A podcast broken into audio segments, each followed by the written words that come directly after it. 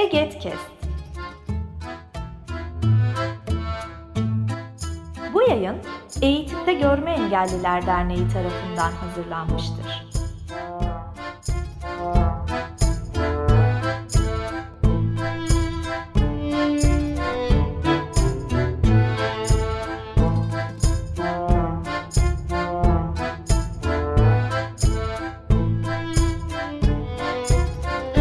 Çocuğumla Büyümek serisinin yeni bir bölümünden daha herkese merhaba. Bu bölümde engelli çocuk büyütürken ebeveynlerin karşılaştıkları çeşitli durumlarla ilgili aslında e, onlara yol gösterebilecek konuları ele alıyoruz. İhtiyaç duyabilecekleri bu eğitimle ilgili olabilir. Kimi zaman sosyal yaşam ya da farklı farklı alanlarda ihtiyaç duyabilecekleri konuları ele almaya devam ediyoruz.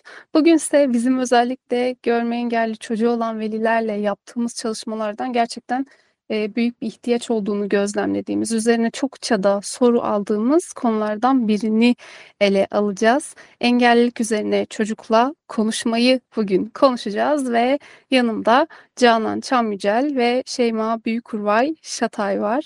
E, belki isimler tanıdık geliyor başka başka podcastlerden ya da çalışmalardan ama biz yine de önce kendimizi bir tanıtmak istedik. E, Beyza Yıldırım ben. Psikolojik danışman olarak görev yapıyorum. Yaklaşık dördüncü yıla doğru gidiyorum. Ee, yine Ege içinde de özellikle görme engelli çocuğu olan ebeveynlerle yürütülen çeşitli çalışmalarda rol alıyorum deyip e, sizlere bırakıyorum sözü. Teşekkürler Beyza. Herkese merhaba. Ben de Canan Çam Yücel, okul öncesi öğretmeniyim. Uzun yıllar görmeyen çocuklar aileleriyle çalıştım. Şimdi de sivil toplum kuruluşlarında EGET'te çalışmalarda bulunuyorum. Ben de özellikle eğitim e, komisyonundaki çalışmalarda yer alıyorum diyeyim ve ben de sözü Şeyma'ya bırakayım.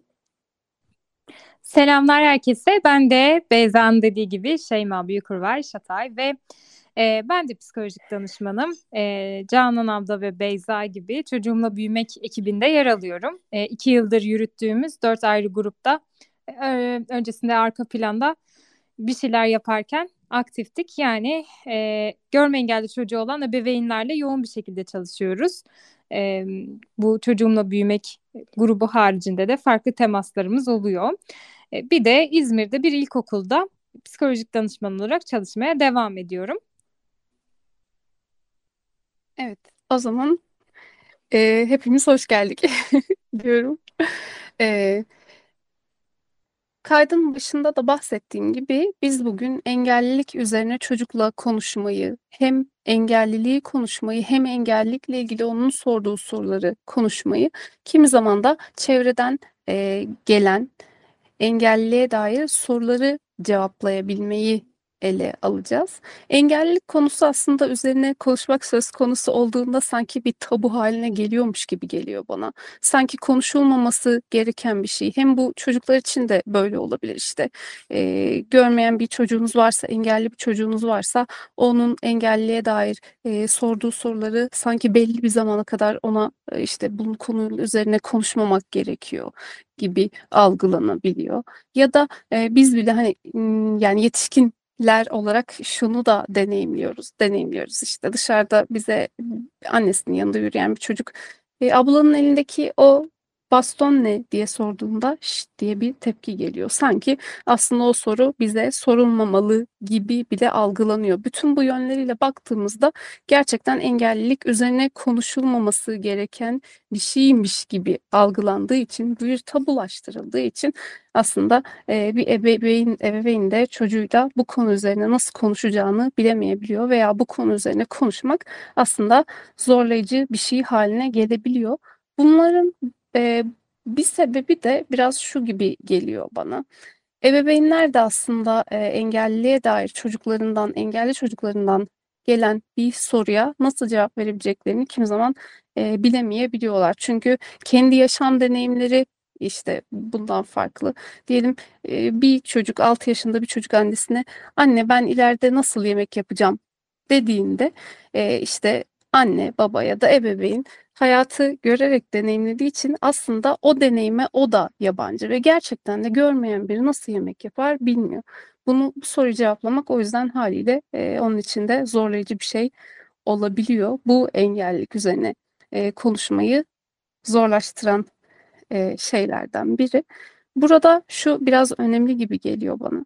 Evet o sorunun cevabını, bütün soruların cevabını hemen bilmek e, zorunda değil. Hiç kimse her- herhangi bir konuyla ilgili de olabilir. Burada şu anda bunun cevabını bilmiyorum ama senin için araştırabilirim ve bunun üzerine daha sonra tekrar konuşabiliriz deyip aslında bu konu üzerine araştırmak, belki bunu deneyimleyen kişilerle konuşmak, e, bu soruların cevaplarını önce ebeveynin kendisinin bilmesi ve dolayısıyla cevaplandırabilmesi için oldukça önemli e, geliyor bana.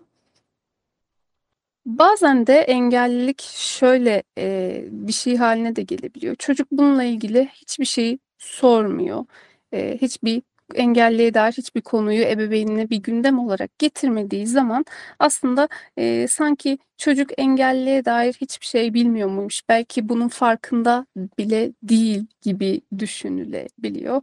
Oysa ki e, her zaman da çocuğun bu konuyla ilgili soru sormasını beklemek e, çok anlamlı olmayabilir. Bazen çocuklar soru sormasalar bile e, o konuya dair bir farkındalıkları ya da bildikleri bir şeyler mutlaka vardır.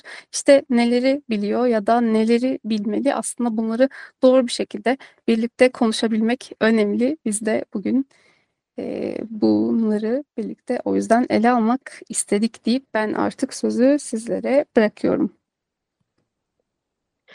Ee, ben de aslında biraz e, bu engellilik meselesini çocukla konuşurken çevresel uyarlamaları, düzenlemeleri nasıl yapabiliriz?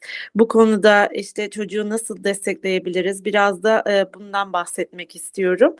E, özellikle okul öncesi dönem için bahsedecek olursak yani çocuğun dil gelişimi belli bir seviyeye geldikten sonra e, zaten çocuklar genellikle merak duygusuyla hareket ettikleri için keşfetme duygusuyla her şeyi incelemek, merak etmek ve bununla alakalı soru sormak onların genel davranışı e, halinde oluyor bu dönemde. Özellikle e, 3-6 yaş arası dönem için bahsedecek olursam. Çünkü konuşmak e, kısmından ilerlediğimiz için özellikle. E, orada mutlaka e, çocuğa yani uygun çevresel uyarlamaları e, yapmak ve bu uyarlamaları yaparken burada neler yaptığımızı, herhangi bir şeyi düzenlerken, evin bir eşyasının yerini değiştirirken ya da ne bileyim bütün aslında her şeyden kendisini haberdar etmek ve aslında uyaranlarda da belli e, çeşitlilikleri sağlamak gerekiyor. Belki bunu biraz örneklersem e, daha anlaşılır olacaktır.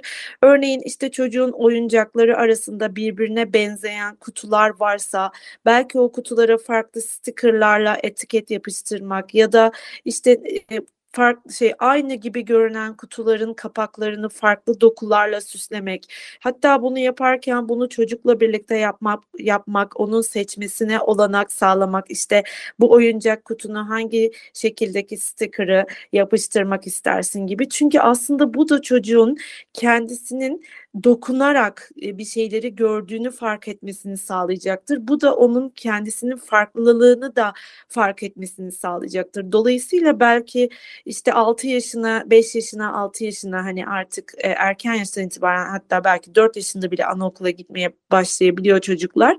E, orada kendisini arkadaşlarına, öğretmenine karşı da ifade etmesini sağlayacaktır.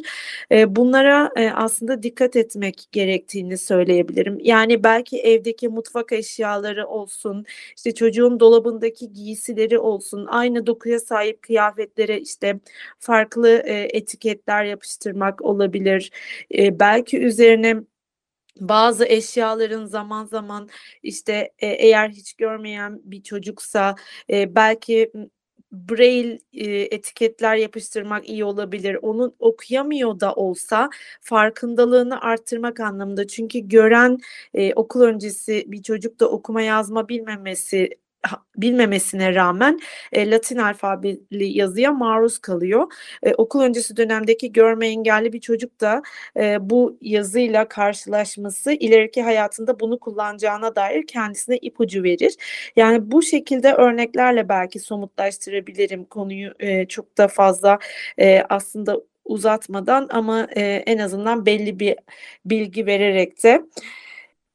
Peki aslında bu bahsettiğim uyarlamaları yapmak ne işimize yarayacak diye düşünürsek yani çocuğun aslında görme dışında farklı duyularını kullandığı ve hatta ağırlıklı olarak dokunma duyusu ve bunu izleyen işitme duyusunu e, kullandığı ve ileriki yaşamında da bunu kullanması gerektiği hakkında çocuğa bilgi verecek tüm bunlar ve aynı zamanda bu konuda e, kendisine yani aslında yapılan bu uyarlamalar sayesinde de bu konuda daha çok konuşmayı, kendini ifade etmeyi, hatta belki de e, sorular sormayı e, ona teşvik edecek ve bu olanağı sağlayacak diye düşünüyorum ben de.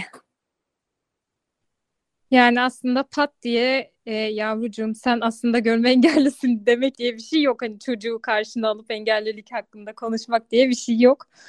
E, ben de tam burada sorular üzerinden ilerlemek istiyorum. Çocuk sorular sorabilir, bir şeyler e, geçtiğinde bir takım sorular sorabilir ya da etraftaki insanlar e, çocuğun yanında sorular sorabilir. Görme engelli çocuğun yanında sorular sorabilir. Ee, peki bu durumlarda ne yapacağız? Ben burada bir takım örnekler üzerinden gitmek istiyorum ama temel yaklaşımımızı söyleyeyim öncelikle.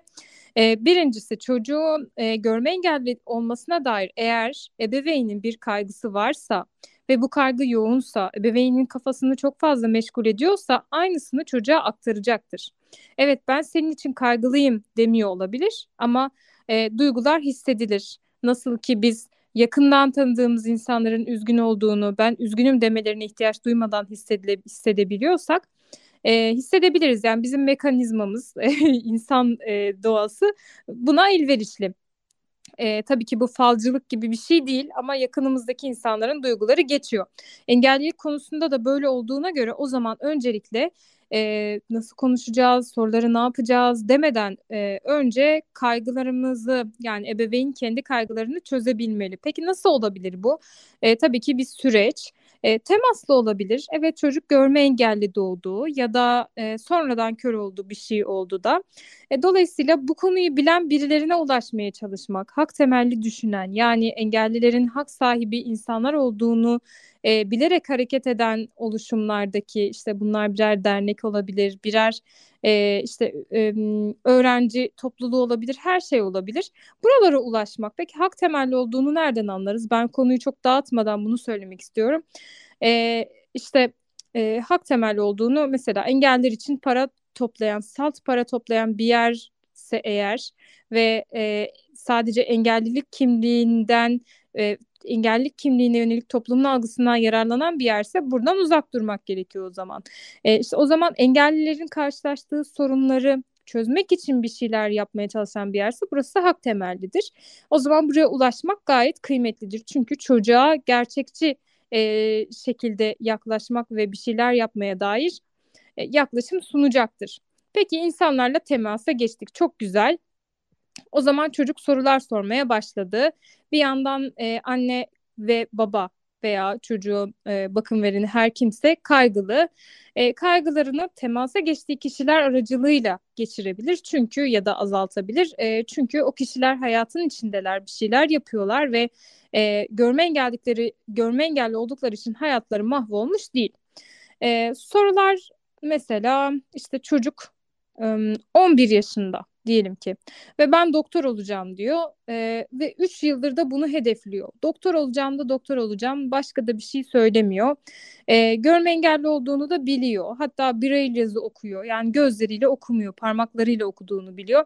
Peki bu çocuğa biz ne diyeceğiz? Sen kesinlikle doktor olamazsın çünkü görmüyorsun mu demek gerekir. E, ben burada şöyle yaklaşmayı önemli buluyorum. Birincisi doktor olmayı neden bu kadar e, küçük yaşta olmasına rağmen tek hedef olarak belirlemiş. Çünkü biz çocukların bu yaşlarda özellikle lise döneminin işte belli ikinci yarısına kadar en azından tek bir hedefe odaklanmasını sağlıklı bulmayız genellikle. E, yıllar süren tek bir hedef varsa eğer burada bir e, yani e, adlandırmak istemiyorum takıntı diye ama e, burada bir e, büyük bir soru işareti olabilir. O yüzden buraya bir odaklanmak lazım. O zaman bu çocuk neye maruz kalmış olabilir? Benim kendi deneyimlerimden toparladığım şöyle bir şey. E, doktorluk mesleği çok yüceltilmiş olabilir. e, ve asla doktor olamayacağını bilen bir çocuktur. Bunun hayaliyle öne çıkan popüler bir çocuk olmayı yeğlemiştir.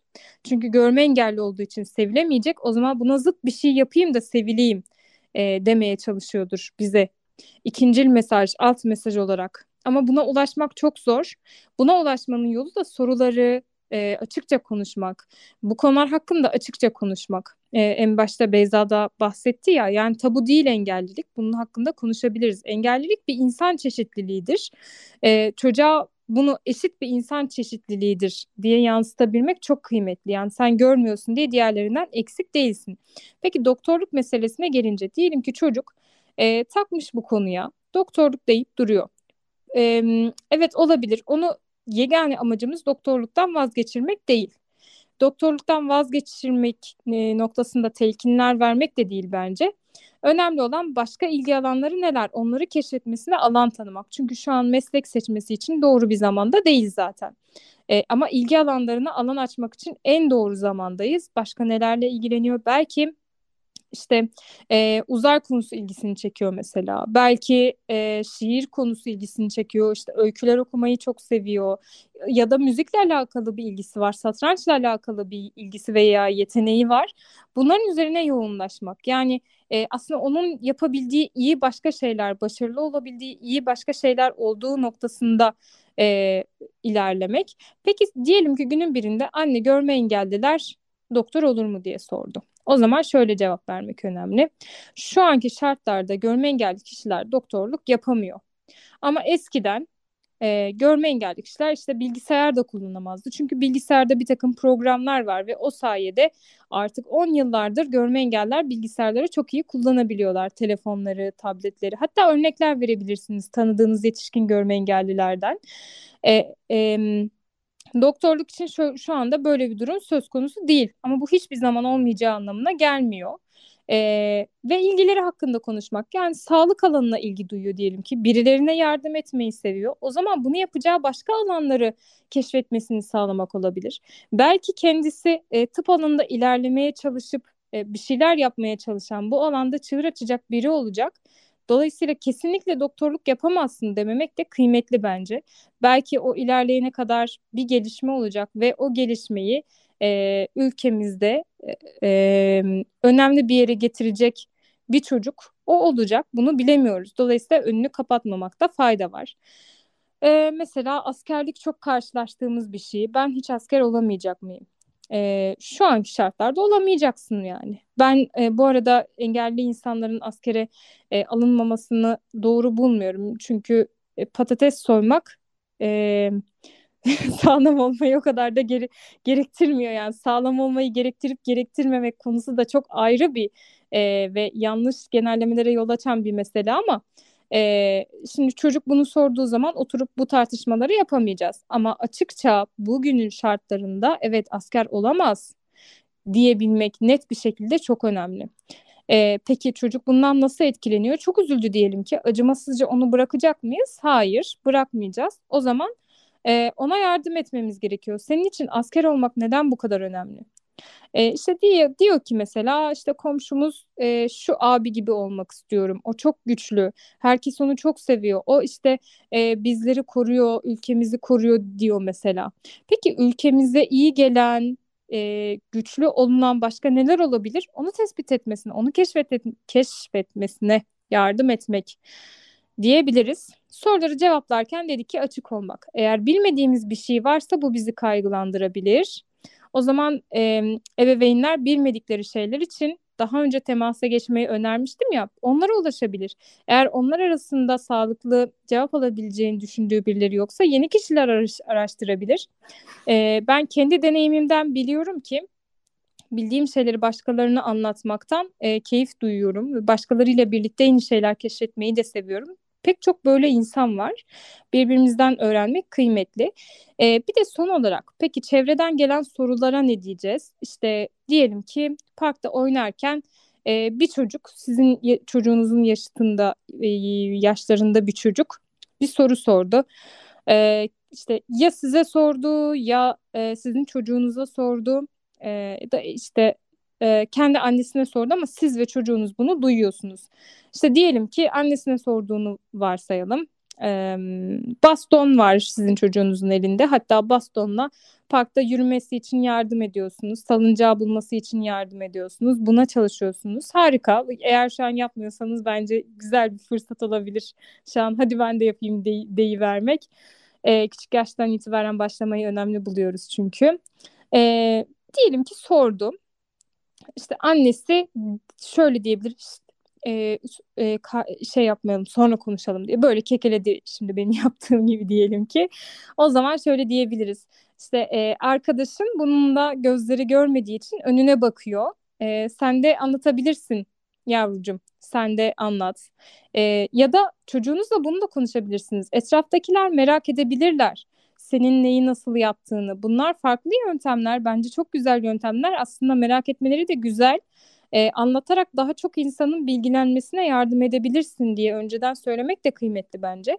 Zaten bu hazır bulunuşluğa sahip olan bir çocuk e, kendiliğinden anlatmaya başlayacaktır. E, özellikle kaynaştırma eğitimdeki çocuklarda çok karşılaşıyoruz. İşte bu elindeki ne, yazdığın şey ne diyor başkaları. İşte bazen çocuklar bunu e, kötü bir şey olarak algılayabiliyorlar. Çünkü e, kör çocuklar da sanki engelliliği konuşmak kötü bir şeymiş gibi düşünüyor. Ee, yani bizden bu kadar engelliliği konuşmak dediğimiz şey e, sonsuz bir şey. O yüzden biz ilk aklımıza gelenleri paylaşalım istedik e, ve bize sosyal medya hesaplarımızdan veya farklı kanallardan e, işte zaten baş girişteki çıkıştaki jingle'larda geçen e, şeyde linkte ba, şey internet adresinde var olan iletişim bilgilerimizden ulaşıp e, sorular paylaşılabilir. Bir şey eklemek isteyeniniz var mı? Ben bunu konuşmayı çok önemli buluyorum. Çünkü zaman zaman çocuk büyütürken ebeveynler e, bu engelli olmayan bir çocuk da olabilir. Kimi konuları konuşmak onlar için daha zorlayıcı olabiliyor. Ve bizim gözlemlediğimizde engelliliğin böyle bir konu oluşuydu. E, o yüzden hani bunu bir tabu halinden çıkarıp engelliliği konuşmak aslında nasıl bir şey? Bunun da e, buna dair de biraz soru işaretlerini e, cevaplayabildiysek bence güzel oldu. Çünkü bazen engellilik üzerine konuşmak şöyle de algılanabiliyor.